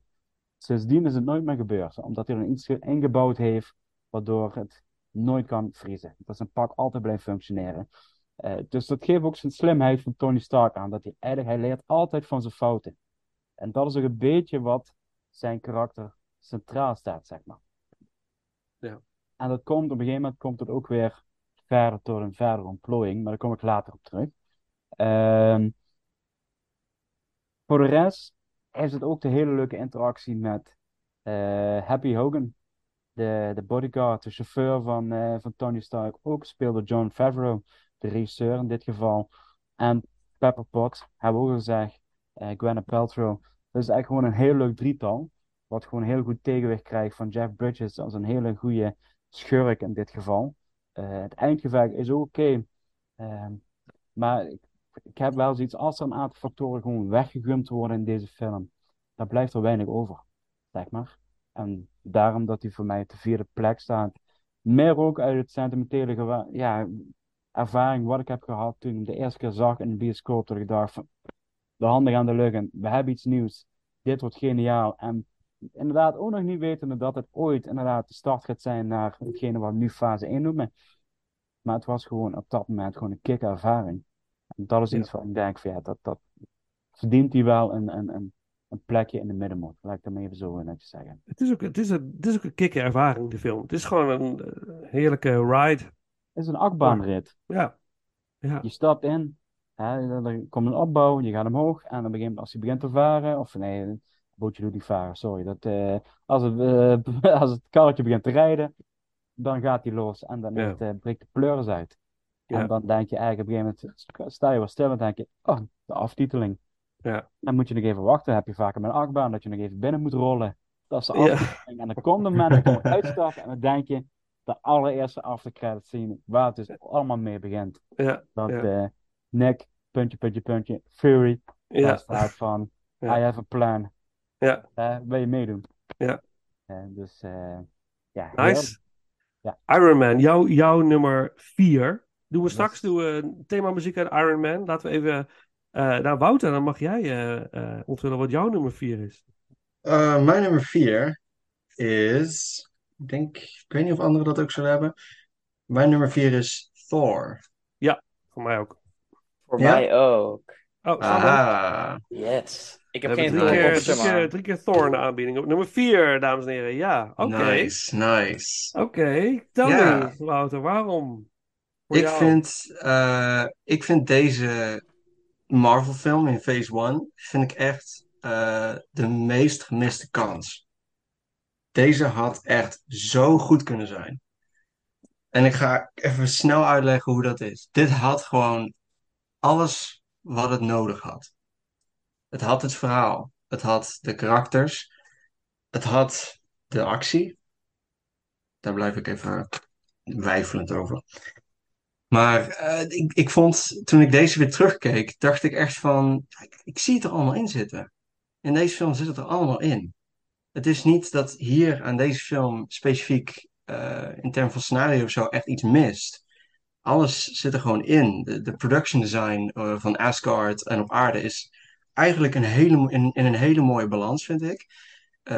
De casting is werkelijk waar spot on. Ik bedoel, Chris Hemsworth als Thor is fantastisch. En natuurlijk Anthony Hopkins als Odin, ondanks dat hij niet heel veel te doen heeft, is het toch wel echt een, een aanwezigheid. Hij heeft een soort van vaderlijke, vaderlijke figuur aanwezigheid in, in de film.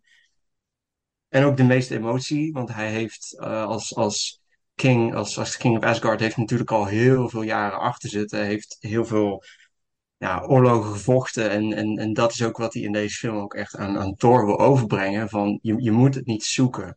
Als een, een, koning zoekt daar niet naar. Je moet, maar je moet er wel klaar voor zijn als het er is. En dat ik, vind ik ook zo fantastisch aan deze film, hoe goed die karakterontwikkeling nou werkelijk is. En hetgene wat ik aan deze film nou juist zo minder vind, is denk ik dat het gewoon, het is niet vlak, het, maar het is gewoon, het voelde gewoon een beetje saai of zo. Ik weet het niet. Het, het had gewoon net iets, het had gewoon niet die, die, die spark bijvoorbeeld die, die wel had. Het had niet dat, dat, dat, dat ene stukje, ja, het had niet die, die, die, die, die spark. En ik, ik weet, ik kan echt totaal niet zeggen waar dat eigenlijk aan ligt. Want dialogen zijn. eh, eh, Dit, deze film is geregisseerd door Kenneth Branagh. En die heeft ook wel een, een soort van. Die, die houdt wel van Shakespeare. Die houdt, die houdt daarvan. Die heeft ook eh, Henry V, volgens mij, heeft hij eh, geregisseerd. Ja, en en vergeet niet Mary. Shelley's Frankenstein met Robert Mary. Shelley's Franklin, Frank- Frankenstein. Fantastische film, by the way. Ik heb die versie nog niet gezien. Geweldig, echt geweldig. Misschien wel de beste van, eh van die. Ja, ja, denk, ja, maar goed. Maar goed, eh, Wouter, ga verder.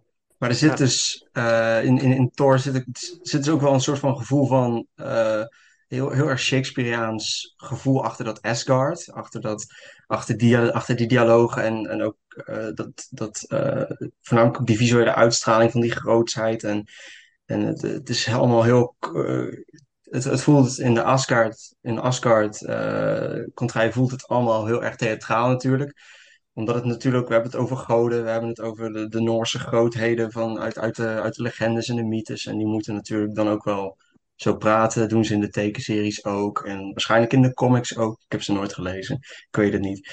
Dus, ehm, maar om een of andere reden vond ik ook gewoon de actie in deze film heel saai en chaotisch. En als het er wel in zit, heel bombastisch. En de sound effects die zaten overal in mijn oren. En dat voelde een beetje pijnlijk af en toe. En het laatste gevecht vond ik nogal. Van het, met de Destroyer vond ik heel anticlimax. Want hij schiet drie stralen die straat in. En ja, ze hebben hem uiteindelijk. En hij, een Thor is weer Thor. Maar ik, ik vond het sterkste aan deze film blijf ik echt gewoon de, de, de character development van Thor vinden. Dat, dat is gewoon hetgene waar ik naar zoek in een, eh, in een, in een superheldenfilm, in een superhero comic book movie. Het, het moet om het personage draaien. Het moet om de held draaien. Het gaat niet, zoals het bij Marvel tegenwoordig wat meer is gegaan, het gaat niet om de grootsheid van de schaal. Of het gaat niet om dat er weer een villain, eh, weet ik veel, het universum probeert te veroveren waar dat, die held helemaal niks mee te maken heeft eigenlijk. Zoals in Ant-Man, eh Quantumania bijvoorbeeld. Het gaat gewoon echt om het personage en wat het personage meekrijgt of meeneemt. En dat vond ik, eh, dat Chris Hemsworth die emotie goed toonde, samen met eh, ehm, Anthony Hopkins in deze film. Dat, die dialoog die zij hebben wanneer Thor verbannen wordt, vond ik wel echt het sterkste stuk uit deze hele film. Want het laat gewoon die, dat, dat, dat karakter van Thor zien zoals het, zoals het aan het begin van de film is. En waar die ook echt gewoon naar voren moet komen. En die, die dialoog dat Anthony Hopkins dan naar voren komt en zegt van... eh, You're an old man and a fool. eh, I was a fool for, for thinking you were ready. Dat is, dat is zo krachtig. Dat dat is echt zo'n... Dat, dat gaf me echt een soort van emotioneel gevoel op, op, op het gebied tussen vader en zoon. En dat is ook gewoon die hele drijfveer van hij moet gewoon van die, van die trots en van, dat, van die strijdlustigheid moet hij, moet gewoon af en, en zorgen dat het niet alleen maar om die, om, om die vergelding gaat, maar dat het ook gewoon om die compassie gaat die je moet, moet leren en dat anderen er ook toe doen. En, en dat hij, hij misschien een god is die vanwege zijn hamer heel veel kan, maar dat hij ook gewoon moet, moet leren hoe, hoe hij dat moet beheersen als kracht. En dat hij dat niet moet zien als een, als een, als een wapen in de strijd, maar als een hamer om te bouwen. En dat, is, en dat vind ik heel mooi, hoe die krachtontwikkeling in deze film zo is gedaan. En vandaar dat ik ook die score van deze film, ik weet niet meer precies wie deze score nou ook weer precies heeft gedaan, maar eh, die score is echt Patrick Doyle. fantastisch. Ja, Patrick, Patrick Doyle, Doyle, ik ja. vind deze score fantastisch. We gaan het zo doen. En dan Loki natuurlijk ook als eh, Tom Hiddleston als Loki. Gewoon die, die, die daar ook gewoon eh, de, de vruchten van mee probeert te pakken als The God of Mischief. En ook in een deleted scene op de Blu-ray zag ik ook weer in deze film dat er weer een, een scène uit was gehaald waarvan ik dacht, waarom haal je dat eruit? Dat, eh, dat Loki en zijn, en zijn moeder bij Odin eh, zijn bed staan als hij in de Odin sleep is. Mhm. En dat hij dan eh, in, in die verlengde scène dan ook daar te horen krijgt van jij, ben, jij regeert nu in, in zijn plaats vanwege de Odinslaap en Thor die weg is. En dat, dat, die scène die, die raakte me echt extreem toen ik hem zag. Het was onafgerond en alles, maar je moet die scène eens opzoeken Ja. op, eh, op, op Ja. YouTube, want die scène is zo ongelooflijk krachtig. Hmm. En ik kan niet geloven dat die eruit hebben gehaald. Hebben gehaald. Maar Je bent toch wel eh, behoorlijk gepassioneerd over deze film, eh, Wouter. ja, Zo, omdat ik eh, vind dat zo- deze alles. Ik, ik vind dat deze alles wel heeft, maar om een of andere reden komt het er gewoon niet. Oké. Saaie ondertoon. Ja, een beetje een soort van eh saaiere ondertoon inderdaad. En ik vind Hmm. het ook leuk hoe ze het op aarde doen met eh Eric Selvig en, eh, en, en Natalie Portman natuurlijk in, in haar rol. En dat is ook gewoon leuk hoe, dat, hoe, hoe Thor dat contrast te zien krijgt in, in die film, in het verhaal. Van Ja. dat hij daar zonder zijn hamer is. Dus dan moet hij het daar, dus dan moet hij daar gewoon op zichzelf doen. Zonder al zijn krachten, zonder al zijn macht. En dan moet hij zien wat ook gewoon die sterfelijkheid ook gewoon betekent. Dat het ook gewoon waarde heeft. Dus dat het niet alleen maar gaat om goddelijkheid en extreem lang leven en zo. En, en alle macht hebben vanwege ja, al die goddelijke kracht. Maar dat er ook iets, iets moois zit aan die menselijkheid. Aan, aan, dat, aan dat sterfelijke. Dus ja, Ja. ik, ik, ik- gemist potentieel vind ik Ja. deze film. Nou, weet je- Grootste weet je- gemiste potentieel. Weet je wat het is? Met Thor, en dan geef ik Sam het woord. En eh, dan had ik. eh, eh, ehm, dit- wat hier wordt opgebouwd, vind ik fantastisch. Ik vind dit echt een geweldige film. Echt, ik, ik was hem eigenlijk een beetje vergeten. Eh, maar ik, ik, vond het, ik vond het geen moment saai. Ik vond de leegte die dat dorpje heeft, dat stadje, wat speciaal gebouwd is voor, vind ik juist heel mooi. Het is een soort weerspiegeling van de leegte in Thor zelf. Hij heeft niet zoveel meer om zich heen. Hij moet zich, eh, eh, op zichzelf staan. En, en dat vond ik zo mooi visueel ook in beeld gebracht. Dat is Kenneth Branagh natuurlijk bij uitstek. Dat op die manier ook visueel krachtig te maken. Van het grootse, magnifieke van Asgard naar het hele kleine, eh, ja, een beetje opgesloten gevoel. In een enorme ruimtelijke sfeer. Terwijl Asgard eigenlijk één grote gevangenis lijkt, is dit eigenlijk de vrijheid die hij kan proeven. Hè, zichzelf kunnen zijn en helemaal naar zichzelf toe eh, terug te keren.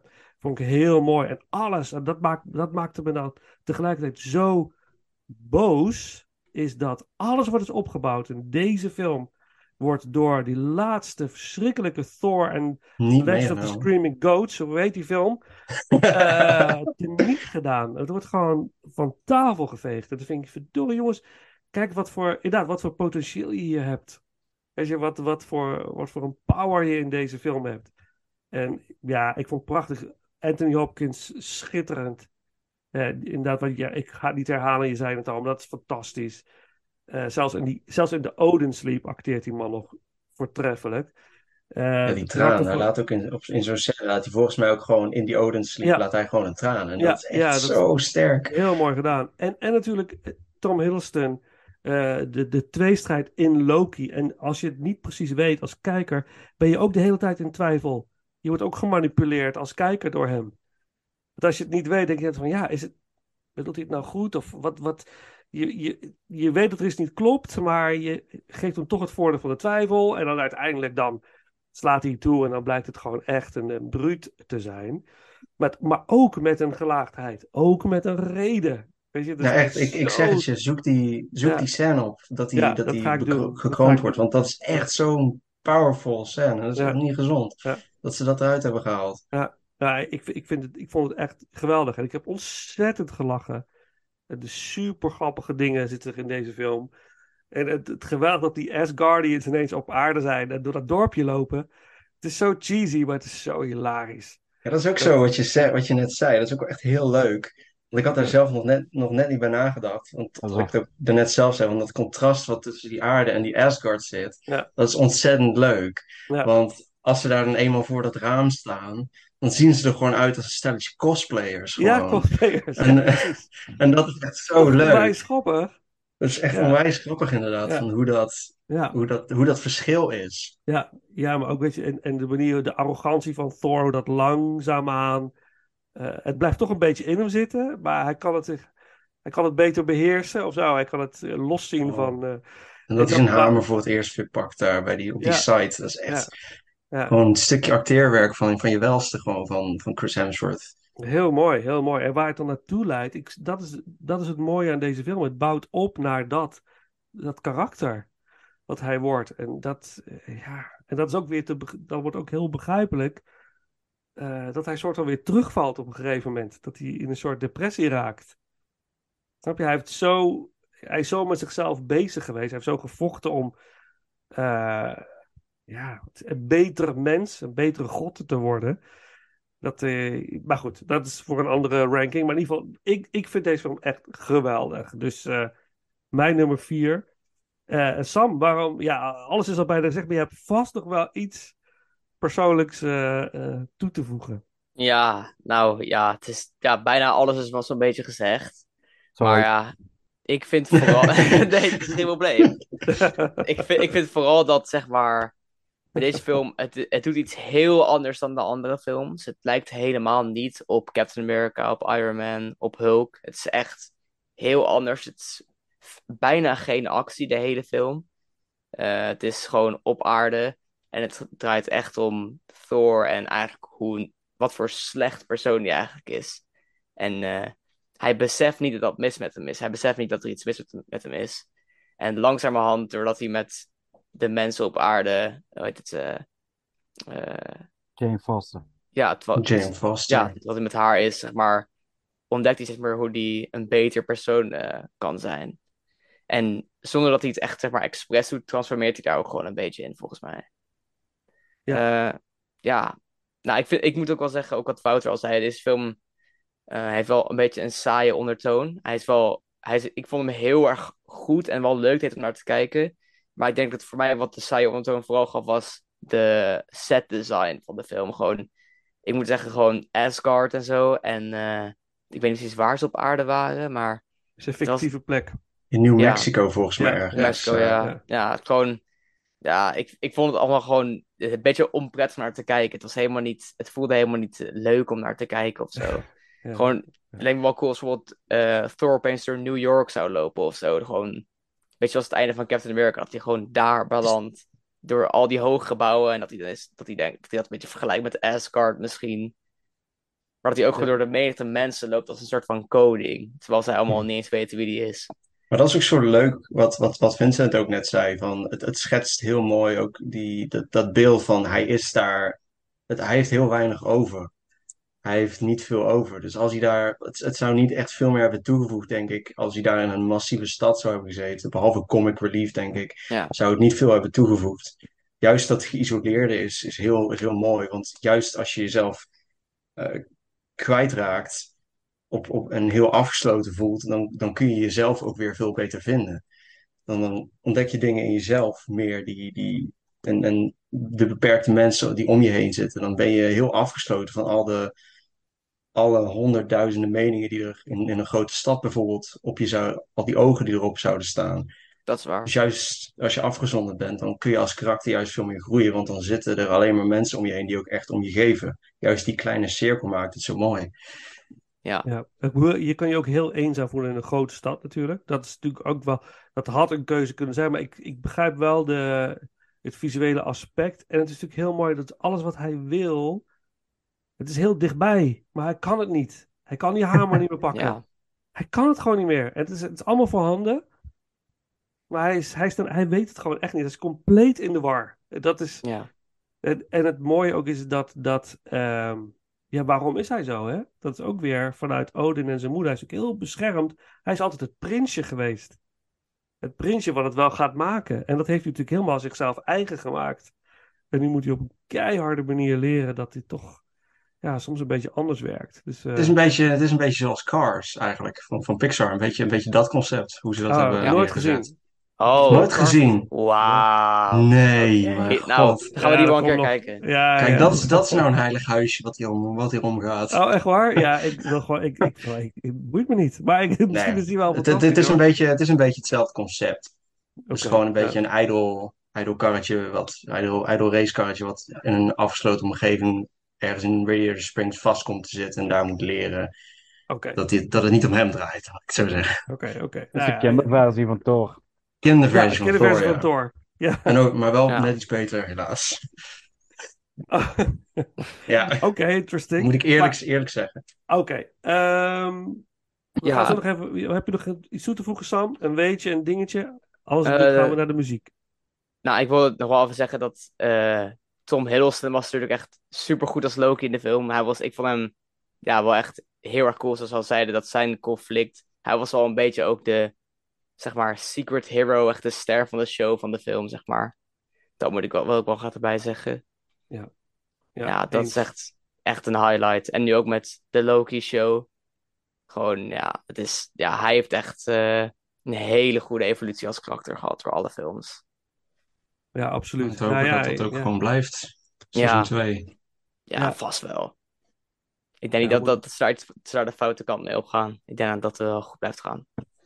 Ja, ook Marvel zou wel hebben gemerkt dat ze, dat ze wat downwards gingen. Dat ze nu weer bezig zijn om het te verbeteren. Hè, dus maar goed. Eh, het, eh, Earth to Asgard slash main theme uit Thor. Muziek door Patrick Doyle. En dan...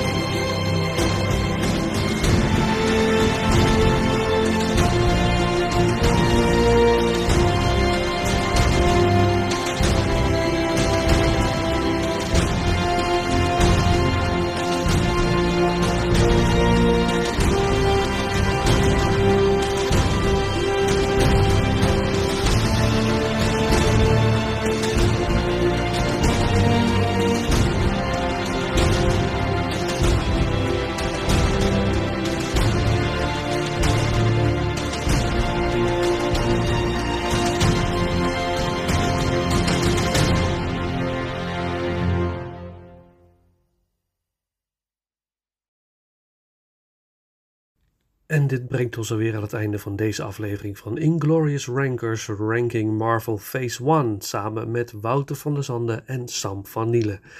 Uh, deel met ons jullie eigen Marvel Phase 1 ranking. We zijn zeer benieuwd. Uh, we zien het graag tegemoet. En uh, we begonnen deze aflevering met een mix van oude cartoon intro's van Marvel's Avengers karakters. En na de intro hoorden jullie natuurlijk het welbekende Back in Black van ACDC in, gebruikt in de film Iron Man. En we sluiten deze aflevering af met Live to Rise door Soundgarden, gebruikt in de film The Avengers. Dan rest mij nu niks anders dan te zeggen bedankt voor het luisteren en tot de volgende ronde.